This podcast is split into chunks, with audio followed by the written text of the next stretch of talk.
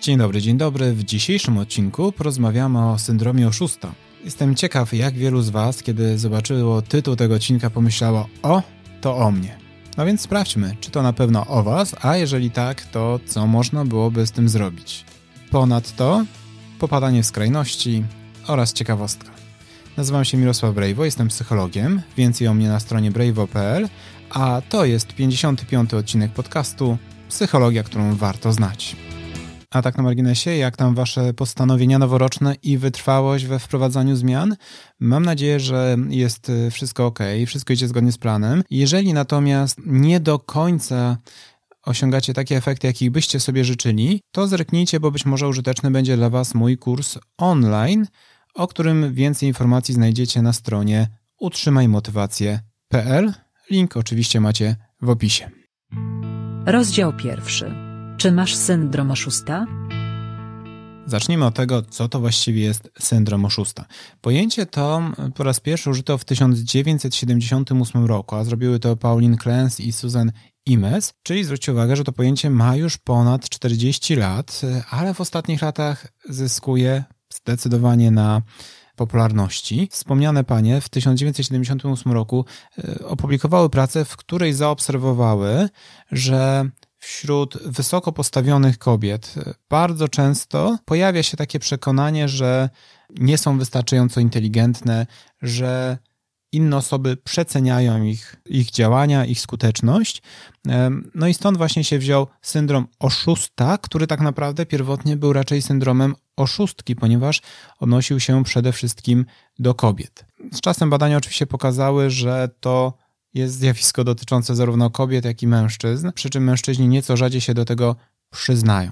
Więc poszerzając troszeczkę to, o czym one mówiły w tym artykule, moglibyśmy powiedzieć, że syndrom oszusta jest to takie zjawisko, w którym osoba go doświadczająca niekoniecznie wierzy w swoje kompetencje. Ma poczucie, że nie jest wystarczająco dobra, wystarczająco skuteczna w stosunku do tych zadań, z którymi się mierzy, czy w stosunku do oczekiwań być może też innych osób. Czyli poczucie bycia niewystarczająco kompetentnym, wraz z którym bardzo często idzie również e, taka obawa, że w końcu ludzie to odkryją, że okej, okay, teraz mi się udaje, e, jakoś sobie radzę na tym stanowisku, na którym jestem, chociaż zdecydowanie nie powinienem na nim być, ale w końcu ludzie to odkryją i wtedy wszystko się sypnie. I odnośnie tych stanowisk, to jest bardzo charakterystyczna rzecz, że ten syndrom oszusta zwykle, czy bardzo często dotyczy, może trochę paradoksalnie, bo takich osób, które się raczej kojarzą z wysoką pewnością siebie, czyli często ten syndrom dotyczy osób, które zajmują bardzo wysokie stanowiska, czy eksponowane stanowiska,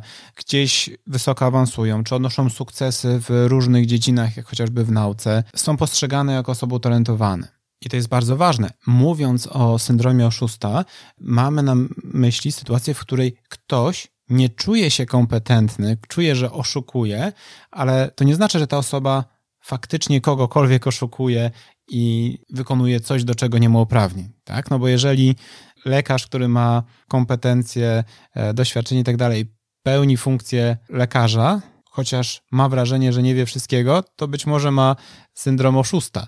No ale jeżeli ktoś, nawet jeżeli ma poczucie wysokiej kompetencji, ale nie ma uprawnień do bycia lekarzem, a twierdzi, że jest lekarzem, no to jest po prostu oszustem. Czyli syndrom oszusta dotyczy osób, które faktycznie nie dokonują żadnego oszustwa, tylko mają takie poczucie. I oczywiście też dodajmy, jak już jesteśmy przy wątku lekarskim, że syndrom oszusta to nie jest coś, co znajdziemy w klasyfikacjach chorób, nie ma tego w ICD-10, 11, DSM i tak dalej.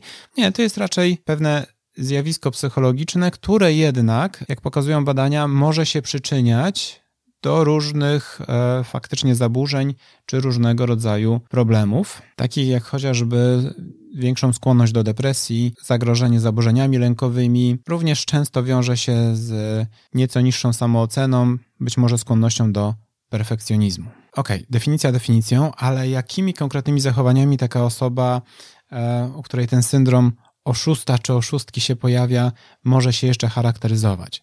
No bardzo często są to takie myśli, nieraz wyrażane myśli, jak na przykład to, że to, co robię, to nie jest nic wyjątkowego. Tak absolutnie każdy na moim miejscu mógłby to zrobić. Pomimo, że dowody sugerują, że jednak nie każdy, bo na przykład wykonywanie jakiejś pracy wymagało skończenia iluś lat studiów, dodatkowych szkoleń, wielu lat doświadczenia. Charakterystyczne jest również to, że umniejsza się wszelkie dowody przemawiające za tym, że, że jednak ma się kompetencje, że jednak jest się w czymś dobrym. To znaczy, e, ten syndrom oszusta to jest takie przekonanie o tym, że nie jesteśmy kompetentni, że nie jesteśmy wystarczająco dobrzy, i w związku z tym my staramy się bardzo często karmić takie e, przekonanie, co oznacza, że jeżeli na przykład e, wykonujemy swoją pracę i zdarzy nam się błąd albo coś faktycznie nie pójdzie po naszej myśli, to wtedy przyjmujemy to do siebie, uważając jasne, zdecydowanie to jest dowód za tym, że e, nie jestem kompetentny, wiedziałem, że nie nadaje się do tej roboty i powinienem ją rzucić. Ale z drugiej strony, kiedy pojawiają się jakieś sukcesy, no to my je raczej ignorujemy. Że to nic takiego, że właściwie to nie ma o czym mówić. Albo nawet jeżeli nie ignorujemy, bo niektóre rzeczy są zbyt duże, żeby je zignorować, no to przerzucamy te przyczyny sukcesu w jakieś inne miejsca. To znaczy twierdzimy, że przyczyną tego naszego sukcesu albo tego, że awansowaliśmy na określone stanowisko, e, nie jest wcale to, że e, tak dobrze się przygotowałem, że ciężko pracowałem, tylko na przykład to, że miałem szczęście. Że akurat przypadkowo znalazłem się w takim, a nie w innym miejscu.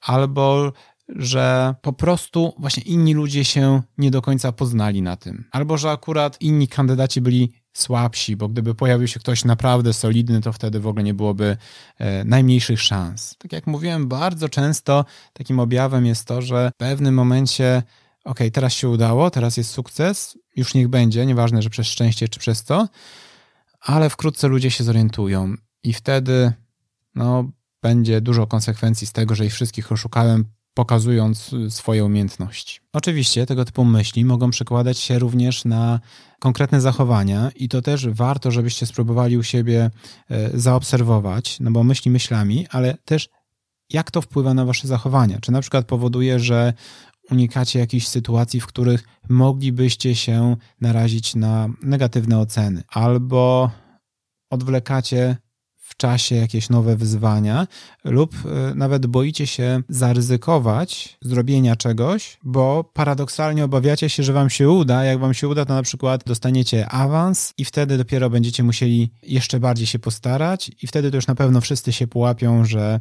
że, że to wy się w ogóle nie nadajecie, że to był przypadek od samego początku i że na przykład trzeba was e, zwolnić. Czyli z jednej strony e, te wszystkie myśli, o których mówimy, często przekładają się też na to, że odwlekamy różnego rodzaju działania.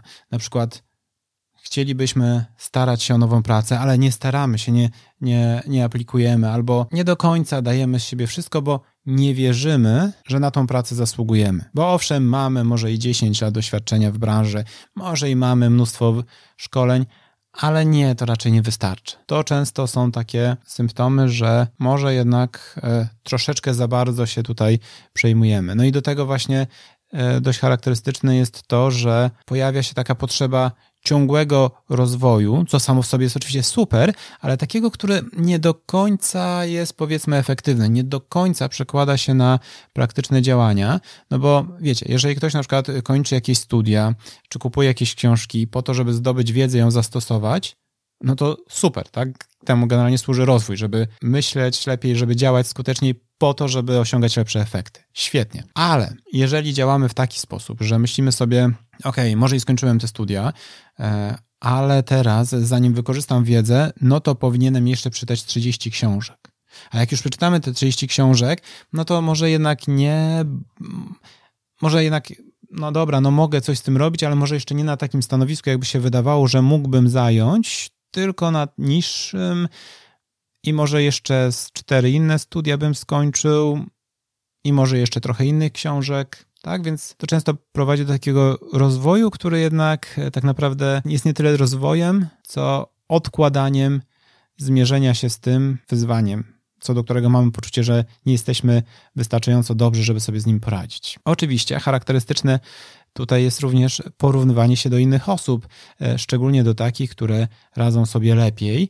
E, I, i bardzo często w przypadku osób, u których byśmy mogli powiedzieć, że ten syndrom się pojawia, oszusta, no to jest takie mierzenie się do zdecydowanie lepszych osób. Czyli nie będziemy porównywali się z osobami, które są na naszym poziomie, albo nawet na trochę wyższym, ale mierzą się z podobnymi przypadkami, mają popełniają podobne błędy, tylko raczej do takich ludzi, którzy są o wiele gdzieś tam dalej niż my, którzy mają większe doświadczenie. No i wiecie, to tak jakby, nie wiem, początkujący tenisista zaczął się porównywać do Rafaela Nadala. No, mała szansa na zwycięstwo. No i to budzi wtedy myśl, że nie no, jeżeli tak, to ja nie nadaję się nawet na to, żeby grać na takim podstawowym poziomie. Więc zwróćcie również na to uwagę, czy nie pozwalacie sobie na takie niepotrzebne porównania. Jak pewnie możecie sobie wyobrazić, albo po prostu znacie to dobrze ze własnego doświadczenia, e, dość typowe jest również to, że ewentualne komplementy, pochwały automatycznie wzbudzają te, te nasze takie, no właśnie, myśli automatyczne, że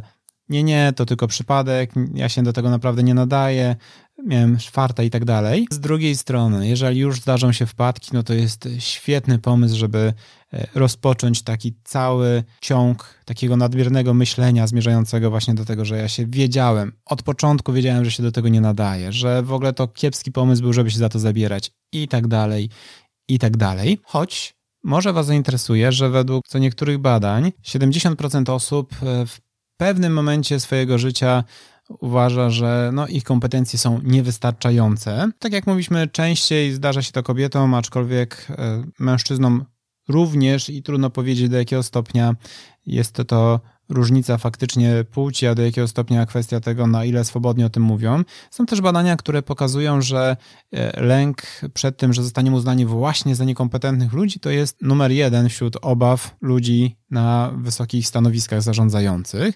Natomiast, e, tak żeby nadmiernie się nie zżywać też z tymi danymi, to pozwólcie, że powiem Wam małą ciekawostkę. Ciekawostka. W 2019 roku opublikowano metaanalizę badań dotyczących syndromu oszusta. Wzięto tam pod uwagę 62 badania, w których łącznie brało udział ponad 14 tysięcy osób. Jaki był tego efekt? Że częstotliwość występowania syndromu oszusta wahała się w zależności od badania od 9 do aż 82%. Wiele zależało tutaj od tego, w jaki sposób mierzono syndrom oszusta, więc jak widzicie, rozpiętość tych badań jest bardzo duża. Wow, ale ciekawostka.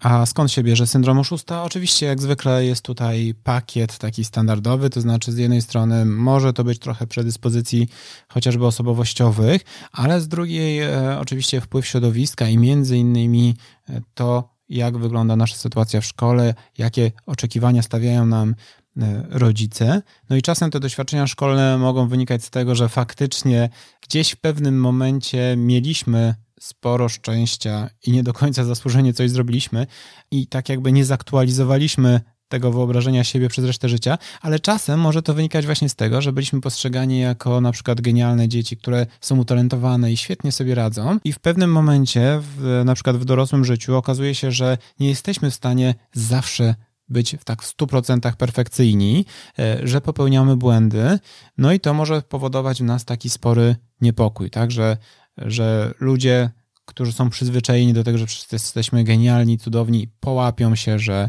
popełniamy błędy i wtedy będą z tego jakieś wielkie konsekwencje. Oczywiście nasilać się może to poczucie syndromu oszusta, bo to jest ważne też. On nie jest y, zawsze na takim samym poziomie.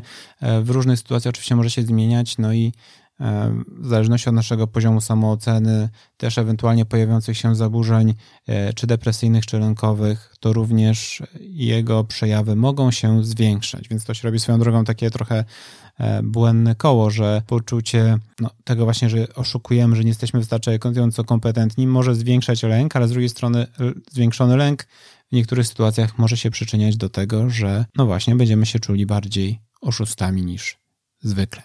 No ale teraz zastanówmy się, co możemy z tym wszystkim zrobić. Rozdział drugi. Jak sobie poradzić z syndromem oszusta?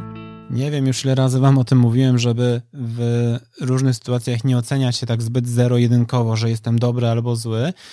No i pozwólcie, że żeby tradycji stało się zadość, dzisiaj również o tym powiem i to na samym początku tego rozdziału, bo to jest bardzo ważna rzecz, od której warto zacząć. To znaczy, to, że nie czujemy się kompetentni, to, że mamy pewne obawy, że nie jesteśmy wystarczająco dobrzy na danym stanowisku, to samo w sobie nie musi być nic złego, bo to może spowodować, że dzięki temu będziemy się przygotowywać do naszej pracy, że będziemy starali się dalej rozwijać. Więc Samo w sobie jest to super. Problem pojawia się wtedy, kiedy właśnie patrzymy zero-jedynkowo. Albo jestem kompetentny, albo jestem zupełnie beznadziejny. No i oczywiście wystarczy jeden dowód za niekompetencją, żeby od razu zlecieć na totalna beznadzieja, w ogóle nie nadaje się, wyrzucą mnie z roboty, spalą na stosie i tak dalej. Dlatego warto jest e, spróbować sobie spojrzeć na te swoje kompetencje jednak na większej skali, na przykład od 0 do 10 albo nawet od 0 do 100 i zastanowić się, ok, czy to jest tak, że jestem zupełnie niekompetentny, czy może jednak taki kompetentny na 6 punktów na 10, bo to już jest coś. A jak już jestem 6 na 10, to właściwie jaki poziom kompetencji, jak rozumiany, byłby mi tak naprawdę potrzebny? Czy potrzebuję kompetencji na 10, czy może wystarczyłaby mi tak naprawdę na to stanowisko na 8? I tu ważna rzecz, no bo mówimy sobie o skali, no ale też fajnie jest się zastanowić, co właściwie ta szóstka i ósemka znaczy. Co taka osoba kompetentna na 8 powinna umieć, w jakich sytuacjach radzić sobie powinna lepiej. I ważna rzecz, raczej nie zakładajcie, że powinna sobie radzić we wszystkim, zawsze nie popełniać żadnych błędów, no bo w większości życiowych sytuacji to jest praktycznie niemożliwe. Mówiłem Wam o tym też, że dość charakterystyczne jest to, że jeżeli ma się takie przekonanie, że nie jest się kompetentnym, no to chętnie odrzuca się wszystko, co jest z tym sprzeczne, czyli wszelkie dowody naszej kompetencji, no a jednocześnie bardzo chętnie E, łapiemy się za to, co do udowadnia, że no, nie jesteśmy kompetentni, że jesteśmy słabi w czymś. Dlatego też e, warto jest tak powoli przyzwyczajać się i akceptować te nasze sukcesy. I w tym celu, właśnie, żeby ich tak całkiem nie gubić, dobrze jest nawet sobie zrobić taką listę sukcesów. To znaczy, nawet każdego dnia czy raz w tygodniu usiąść i przeanalizować i spisać sobie, co zrobiliśmy, co nam się udało w dniu dzisiejszym, E, z czego możemy być zadowoleni. I nieważne, czy ktoś inny by to zrobił, czy nie. Jeżeli na naszym stanowisku ważne jest to, żeby na przykład zrobić jakąś prezentację i my tę prezentację zrobiliśmy i ona się dokonała i ludzie nie wyszli w połowie twierdząc, że jest beznadziejna, to znaczy, że nam się to udało. I nie ma znaczenia w tym przypadku nasze myślenie, że każdy dałoby radę. Nie? Czyli starajcie się e, zbierać listę swoich sukcesów, a z kolei unikać różnych porównań i tak, takiego aktywowania sobie, a bo ktoś inny był, zrobił to lepiej. Nie myślcie sobie, jak ktoś inny na pewno by to zrobił. No i w tym przypadku warto też zwykle trochę unikać e, mediów społecznościowych, no bo wiadomo, że jeżeli będziemy szukali tam ludzi ze swojej branży, no to bardzo często pokazuje się tam swoje sukcesy, więc łatwo dojść do wniosku, że okej, okay, ja jako prezes firmy to ciągle mam problemy i ciągle się wszystko sypie, ale ci inni prezesi to generalnie same sukcesy, sami nowi klienci wartości milionów dolarów, a ja bieda. Więc, e, więc unikajcie takich porównań, ale oczywiście może być tak, że e, i tak będziecie mieli poczucie, no dobra, zrobiłem to, poszło świetnie, no ale, i tutaj wracamy do tych y, objawów, o których mówiłem w pierwszym rozdziale, to była kwestia szczęścia, to był przypadek. No i tutaj po pierwsze, w szczęściu ogólnie nie ma nic złego. To znaczy, zazwyczaj jest tak, że jeżeli komuś udało się e, dojść do jakiegoś e, szczególnie wyższego stanowiska, czy, czy jakiejś fajnej pracy, no to zwykle mimo wszystko ciężka praca, umiejętności swoją drogą, ale jakiś przejaw szczęścia i to całkiem sporo być tam musiał. I to nie jest absolutnie nic dziwnego ani nic złego. E, raczej dobre jest to, że skoro już mieliście to szczęście, no to fajnie udało wam się je wykorzystać. To, co możecie sobie zrobić, to narysować koło, tak jakby taki tort i podzielić go na różne przyczyny, którym zawdzięczacie, że wam się coś udało. Czyli na przykład, ok, uważacie, że szczęście miało jakieś znaczenie? Fajnie. To jak? 20%? Okej. Okay. Uważacie, że zbieg okoliczności jakiś był ważny? Super, zaznaczcie to. Albo pomoc jakiejś osoby? Fajnie. Ile procent? Ale nie zapomnijcie też o tym, żeby jednak zastanowić się, w ilu procentach, czyli jaki fragment tego tortu, tego sukcesu zawdzięczacie swojej ciężkiej pracy, albo swojej, swojej kompetencji, czy swojej elastyczności w wprowadzaniu nagłych zmian. Więc również to uwzględnijcie. I nawet jeżeli na ten moment będziecie mieli poczucie, że te, ten wasz wpływ to było 15 czy 20% całości, to super, bo zwróćcie uwagę, że to już nie jest zero. No i tutaj też jest taka istotna rzecz, że czasem to radzenie sobie i akceptowanie tego, że jednak nie jesteśmy oszustami, tylko że potrafimy być kompetentni, no, może wymagać czasu, bo zwykle jest to dość mocno zakorzenione przekonanie i założenie, że jesteśmy w stanie je zmienić w jeden dzień. Znaczy, no, pewnie może się zdarzyć, że przemyślimy, nie wiem, wysłuchacie podcastu, zrobicie sobie jakieś ćwiczenie, e, chociażby spiszecie te swoje kompetencje i będzie fajnie, ale zwykle liczyłbym się z tym, że to zajmie trochę czasu, ale to nic. Po prostu starajcie się akceptować to, że nie zawsze czujecie się kompetentni, ale dostrzegajcie te swoje poziomy kompetencji, ale również pamiętajcie o tym, że popełnianie błędów jest całkowicie naturalne i nie chodzi o to, żeby popełniać je na siłę, ale też to, że popełniacie błąd nie oznacza, że się do czegoś nie nadajecie. To, co jest kluczowe w tym wszystkim, jest nie tyle to, czy już teraz potraficie wszystko dobrze, tylko to, na ile staracie się te swoje błędy uzupełnić. Na ile staracie się uzupełnić braki swojej wiedzy, żeby następnym razem wykonywać tę swoją pracę, e, czy te zadania, z którymi się mierzycie, lepiej. Tylko oczywiście, tak, tutaj czasem warto jest e, mieć jakąś osobę z boku, której moglibyśmy zapytać, co ona o tym sądzi. Czy według innych ludzi, którzy na przykład znają naszą branżę, czy już jesteśmy gotowi? Tak, jeżeli uważają, że jesteśmy gotowi na jakieś wyzwanie, to może warto, warto spróbować. Jeżeli uważają, że nie i my też czujemy, że nie, no to może być tak, że to nie jest żaden syndrom oszusta, tylko po prostu jeszcze brakuje nam kompetencji. Jeżeli czytacie 50. książkę, kończycie 40 kurs i ciągle uważacie, że nie jesteście gotowi do tego, żeby zrobić jakikolwiek krok w, w danym kierunku, to niemal na pewno przeginacie i warto jest zrobić jakieś kroki, później zobaczyć, czego wam brakuje i się tego na bieżąco douczać. Jeżeli nie macie osoby, która mogłaby wam coś podpowiedzieć i ocenić ten wasz poziom kompetencji, e, no to czasem pomocne jest takie postawienie się trochę z boku i zastanowienie się, ok,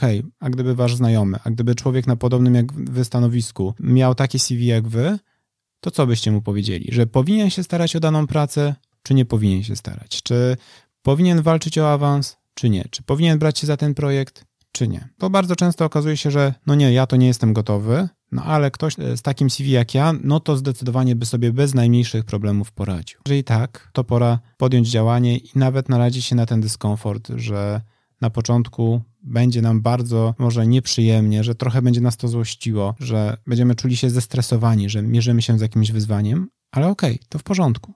Stres może się przytrafić, jeżeli E, mamy poczucie, że nasze kompetencje nie są do końca wystarczające w danej sytuacji. Oczywiście pomocne może być również zastanowienie się, ok, jeżeli popełnię błąd, no to co z tym zrobię? Co najgorszego może się wydarzyć? Jak sobie z tym poradzę? Bo to również jest przejaw kompetencji, tak? Nie tylko to, że nie popełniamy błędów, ale również to, że mamy pomysł, mamy scenariusz na to, e, co możemy zrobić, kiedy już ten błąd popełnimy, więc na spokojnie przemyślcie również sobie to. Prawdopodobnie w wielu sytuacjach okaże się, że tych konsekwencji nie będzie aż tak bardzo, bardzo dużo, przynajmniej nie takich, z którymi sobie nigdy w życiu jeszcze nie poradziliście albo nie potrafilibyście sobie poradzić. Oczywiście zwróćcie też uwagę na to, żeby nie przesadzać z dawaniem sobie tej etykietki syndromu szósta. To znaczy zwróćcie uwagę na swoje przekonania odnośnie kompetencji, zweryfikujcie na ile one są e, realne, no ale też uważajcie, bo tak jak wspominałem, to hasło syndrom oszusta ma już ponad 40 lat, ale w ostatnich latach bardzo zyskuje na,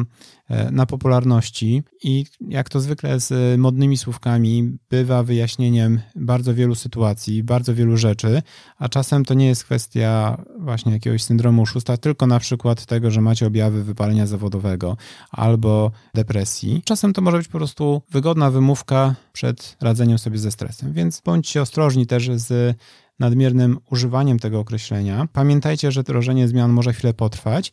Y, oczywiście pojawia się takie często pytanie, czy można sobie z tym poradzić samemu, czy należy korzystać ze wsparcia psychologa, terapeuty. To trochę zależy od waszej oceny, bo może być tak, że jesteście w stanie sobie z tym całkiem fajnie i skutecznie poradzić. Być może zajmie wam to trochę więcej czasu niż pracując z kimś. Y, natomiast ocencie, tak, czy wasze własne działania, czy wykorzystanie chociaż tych rzeczy, które wam podpowiedziałem, daje wam zadowalające efekty, czy nie. No bo jeżeli macie poczucie, że faktycznie nie robicie jakichś postępów, a jednocześnie, to jest bardzo ważne, e, to wasze poczucie syndromu szósta bardzo mocno wpływa na wasze funkcjonowanie. No bo wiecie, jeżeli raz na jakiś czas sobie pomyślicie, oj, jestem niekompetentny, nie nadaje się do tego, a potem i tak robicie swoje, no to okej. Okay, tak? To, to nie jest raczej nic złego, po prostu standardowe monitorowanie naszej sytuacji życiowej e, i analizowanie tego, co można poprawić.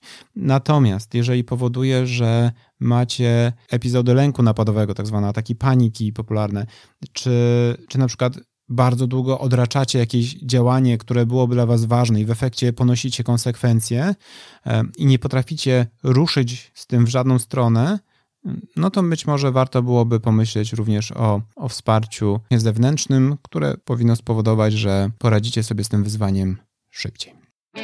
Podsumowanie. Syndrom oszusta jest e, dość powszechnym zjawiskiem, charakteryzującym się tym, że mamy wrażenie, że nasze kompetencje nie są wystarczające, często pomimo tego, że e, fakty dowodzą zupełnie czegoś innego. Do tego nieraz może się to wiązać z obawami, że ktoś to odkryje i wkrótce będziemy musieli ponieść konsekwencje naszego oszustwa, choć oczywiście tak naprawdę żadnego oszustwa nie dokonujemy. Podejmując działania, warto się skupić na tym, że to jest przejaw nie tyle faktów, co naszego przekonania i szukać dowodów za tym, że jednak potrafimy być kompetentni i co ważne, nie patrzeć w taki zero-jedynkowy sposób. Jestem kompetentny, nie jestem kompetentny, tylko spojrzeć na to szerzej, że na przykład mój poziom kompetencji to jest, nie wiem, 6 na 10 co mogę zrobić, żeby tych kompetencji było 7 na 10. Zachęcam Was do testowania, do próbowania. Mam nadzieję, że będziecie mieli odwagę do podejmowania coraz to nowych wyzwań. Jeżeli na drodze do Waszych wyzwań stoją problemy z motywacją, to być może wartościowy będzie dla Was kurs, o którym już wspominałem, czyli jak utrzymać motywację. Więcej o nim na stronie utrzymajmotywację.pl. A tymczasem już za dwa tygodnie, czyli 21 lutego, porozmawiamy o inteligencji. Do usłyszenia.